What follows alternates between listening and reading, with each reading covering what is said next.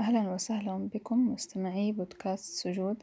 معكم أنا سجود قاود أطل عليكم بعدة حلقات متنوعة أتناول فيها موضوعات مختلفة وسوف نتناول في هذه الحلقة موضوع النكبة الفلسطينية عام 1948 يا توتة الدار صبرك عالزمان انجار. لا بد منعود مهما طول المشوار. يا يا يابا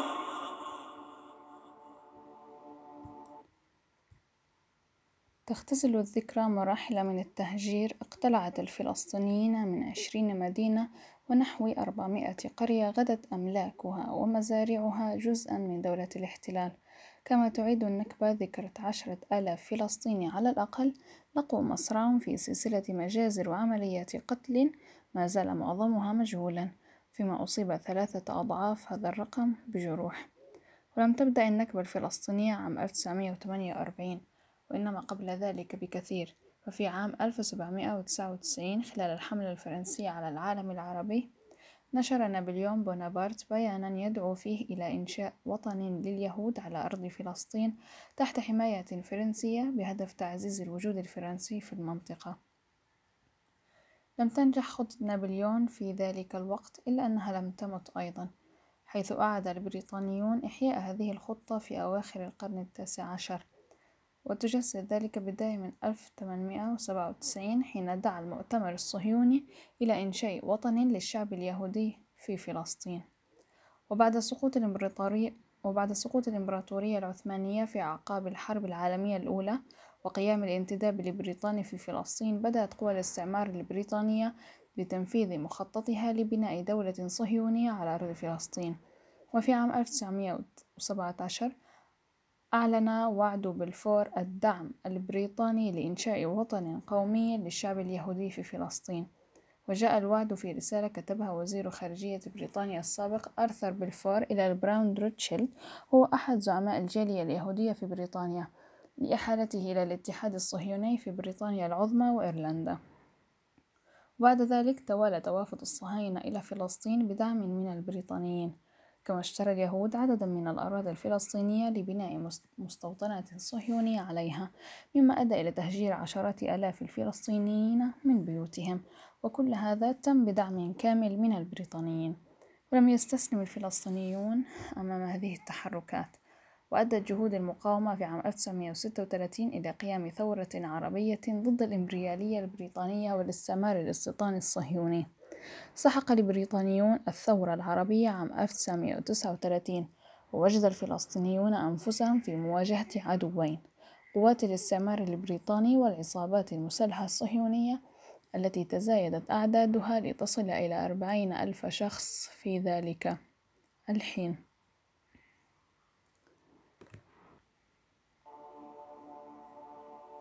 يا توتة الدار. صبرك عالزمان انجار.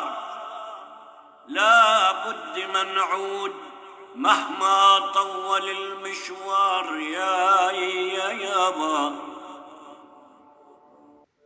وفي التاسع والعشرين من نوفمبر تشرين الثاني عام 1947 أقرت الأمم المتحدة خطة لتقسيم فلسطين إلى دولتين يهودية وعربية وشكل اليهود في فلسطين وقتها ثلث السكان.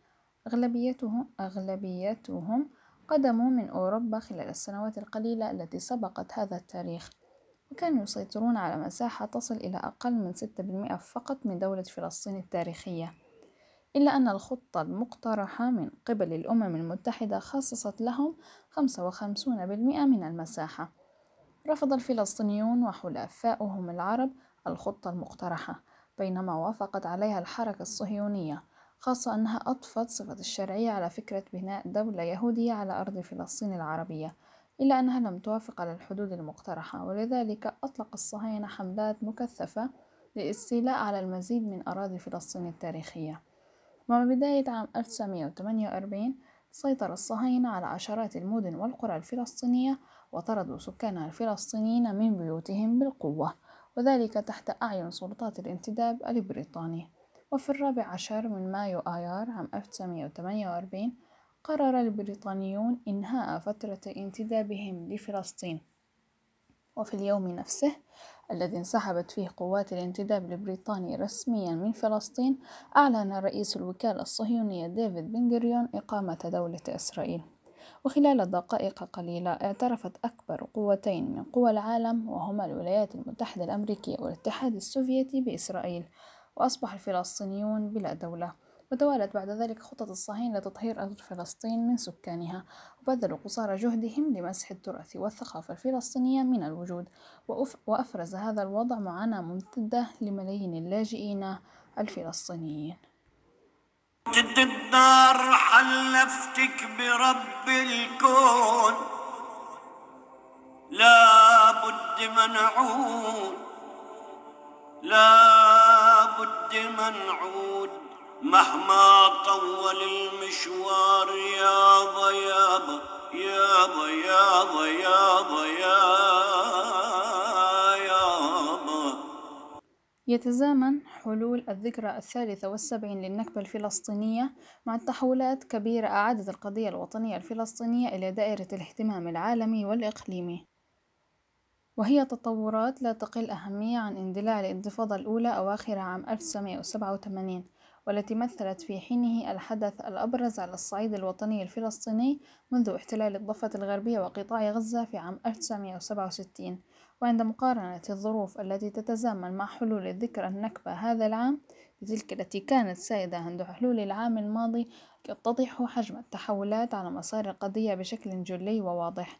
فقد أفشلت التطورات محاولات الاحتلال وبعض الأطراف الإقليمية لطمس هذه القضية بوصفها قضية شعب واقع تحت آخر احتلال على وجه الأرض.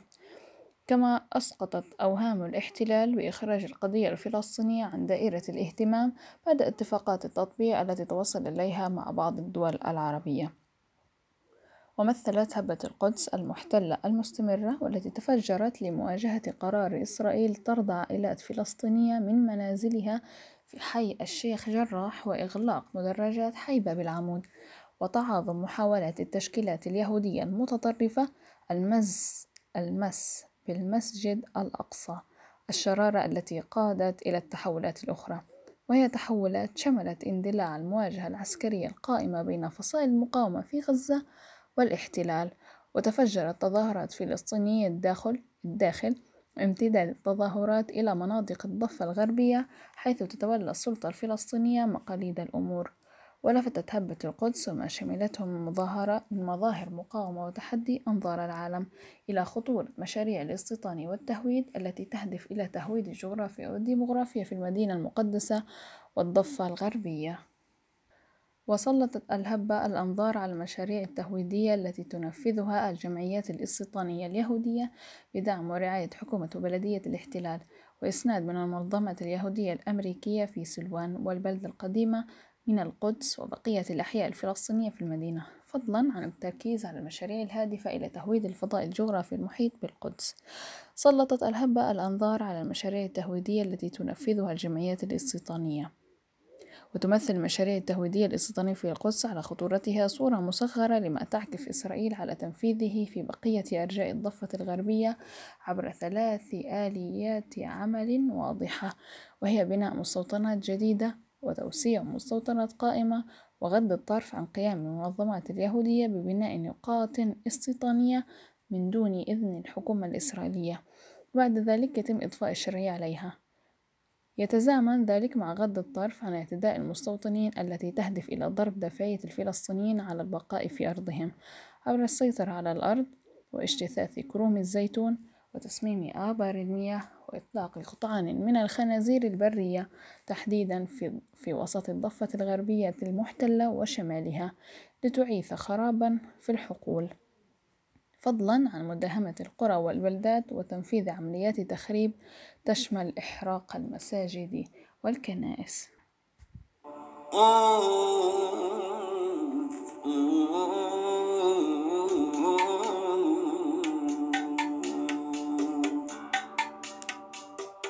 وهدي يا بحر هدي طولنا في غيبتنا سلامي ودي للأرض اللي ربتنا. وإذا كانت إسرائيل قد صنعت النكبة الفلسطينية في عام 1948 عبر الجهد الحربي والمجازر الوحشية فإن النكبة تتواصل بعد 73 عاما عبر وسائل أخرى وتحديدا من خلال توظيف القضاء العنصري. فالقضاء الإسرائيلي أصدر قراره بإخلاء المنازل الفلسطينية في حي الشيخ جراح من مالكيها الذين يقطنونها منذ أكثر من سبعين عاما بحجة أن الأرض التي بنيت عليها تعود لليهود وهو نفس القضاء الذي يرفض أي دعوة لعودة المقدسيين إلى منازلهم وممتلكاتهم في القدس الغربية التي شردوا منها في حرب 1948 وهو القضاء نفسه. الذي يشرع تدمير منازل الفلسطينيين والسيطرة على أراضيهم ويتساهل إلى حد التواطؤ مع جرائم المستوطنين. عبر غض الطرف عن اعتداءاتهم على الفلسطينيين وإغلاق ملفات التحقيق معهم. وتتزامن ذكرى النكبة هذا العام مع بروز تحولات تحول خطير وكبير على الساحة الصهيونية. يتمثل في إضفاء شرعية على مشاركة الحركات والمنظمات الإرهابية في النظام السياسي الإسرائيلي. وهو ما لم يحدث من قبل. فإسرائيل التي منعت في عام 1984 الحركة الكهنية بزعامة الحاخام مائير كهانة من التنافس في الانتخابات العامة بسبب توجهاتها الإرهابية ودعواتها الصريحة إلى طرد الفلسطينيين. هي إسرائيل التي سمحت في عام 2021 للحركة الكهنية بقيادة إيثمار بن جفير تلميذ كهنة ومقتفي أثره التنافس في الانتخابات والحصول على تمثيل في الكنيست. ليس هذا فحسب بل إن الحركة الكهنية باتت حليفا لحزب الليكود الحاكم الذي الذي يقوده بنيامين نتنياهو وأوصت بتكليفه بتشكيل الحكومة. تصدي فلسطينيي الداخل أشاع حالة من الفوضى في المدن في المدن الإسرائيلية. وللوقوف على خطورة هذا التحول يمكن الإشارة إلى ما نقلته الصحفية دانا فايس من قناة 12 العبرية عن مفتش عام الشرطة الإسرائيلية كوبي شفتاي الذي حمل المسؤولية لبن غفير بإشعال الأوضاع في القدس واتهمه بالتحريض على شن الاعتداءات على الفلسطينيين في الشيخ جراح عبر تنفيذ اقتحامات للمدن المشتركة التي يعيش فيها فلسطينيو الداخل واليهود على رأس المئات من عناصر منظمة لهافا الإرهابية التي يترأسها زميله في قيادة الحركة الكهنية الحاخام بن سيغوفشتين فضلا عن تحريضه المباشر على قتل الفلسطينيين من دون أن تتم مساءلته. لكن ما أقدمت عليه الحركة الكهنية لن يصب بالضرورة في مصلحة إسرائيل. فنشاط هذه الحركة الإرهابية أفضى إلى أحد أهم التحولات التي طرأت على مسار الصراع بين الشعب العربي الفلسطيني والكيان الصهيوني. وتمثل في انضمام فلسطيني داخل دائرة المواجهة مع إسرائيل. وتنبأ أهمية هذا التحول التاريخي في حقيقة أن الحديث يدور عن قطاع فلسطيني يعيش في احتكاك مباشر مع مستوطنين في الجليل والمثلث والنقب وفي المدن المختلطة. تصدي فلسطيني داخل الاستفزازات واعتداءات الحركة الكهنية والمنظمة المتحالفة معها وما يتخلله من فعل وردة فعل أشاع حالة من الفوضى في المدن الإسرائيلية وتخومها. إذ تقرب هذه الفوضى إسرائيل من فقدان السيطرة ولم يكن مفاجئا أن يصرح وزير الأمن الإسرائيلي بن جانس أن ما تشهده المدن الإسرائيلية من مواجهة يفوق في خطورته. كل مظاهر التهديد الخارجي في حين حذر الرئيس الإسرائيلي روفلين ريفلين من خطورة اندلاع حرب أهلية. ويصادف مرور ذكرى النكبة في ظل الحرب التي شنتها إسرائيل على غزة والتي تمكنت المقاومة خلالها من تحقيق إنجازات كبيرة على الرغم من نتائجها المدمرة بسبب توسيع جيش الاحتلال في استنفاذ الطاقة الكامنة في تفوقه النوعي في استهداف البنى التحتية والمدنيين في القطاع. ففي هذه المواجهة غطت صواريخ المقاومة كل مناطق فلسطين التاريخية بعد أن وصلت إلى تخوم إيلات في أقصى الجنوب فضلا عن المس برموز سيادة إسرائيل لا سيما إخراج مطار بن المهم. عن العمل وتوقف الكثير من شركات الطيران العالمية عن توجيه رحلات إلى إسرائيل حتى بعد أن تم نقل عمليات الهبوط والإقلاع إلى مطار رامل الصغير نسبيا في أقصى الجنوب والذي أعلنت المقاومة استهدافه أيضا بصاروخ عياش يصل مداه إلى 250 كيلومتر.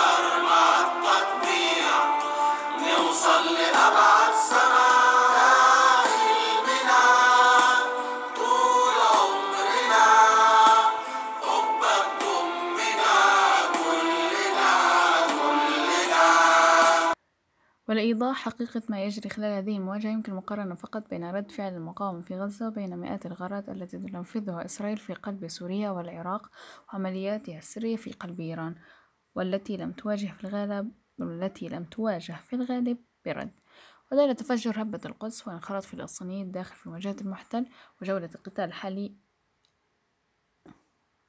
وجولة القتال الحالية التي سوف تحدث بين المقاومة في غزة وإسرائيل ومظاهر تحرك شعبي في الضفة الغربية ضد الاحتلال على أن البرنامج السياسي الذي تتبناه قيادة السلطة الفلسطينية بات غير ذي صلة ولا يحظى بدعم الفلسطينيين وثيقتهم. في الوقت ذاته فإن اشتعال المقاومة ضد الاحتلال في كل مناطق الفلسطينيين ضمن حدود فلسطين التاريخية وما عقبه من إسناد جماهيري عربي إسلامي أممي كما عكس ذلك نشاط الضمان الواسع في العالمين. العربي والإسلامي وفي أرجاء العالم. دل على زيف رهانات إسرائيل على دور اتفاقات التطبية التي توصلت إليها مع بعض الدول العربية في إخراج القضية الفلسطينية عن دائرة الاهتمام العربي والإسلامي والدولي. كما حصلت تحولات الساحة الفلسطينية الأخيرة الخطاب الذي تبنته نخب مرتبطة تحديدا بنظم الحكم العربية التي طبعت علاقاتها مع إسرائيل ووصل إلى حد عدم التردد في إسناد إسرائيل ومهاجمة فلسطين وقضيتها فأصحاب هذا الخطاب باتوا حاليا في حالة الدفاع عن النفس في ظل زخم التعاطف والالتفات الكبير حول فلسطين وقضيتها.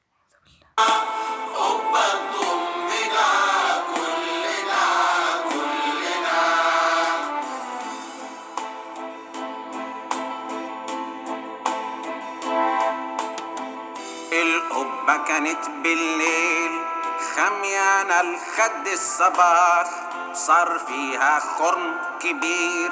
مسارف انام وارتاح وصرخه لو جه فيك يخلف خادك بفتيك والتل أبيب بيوصل نفسك خد يخبيك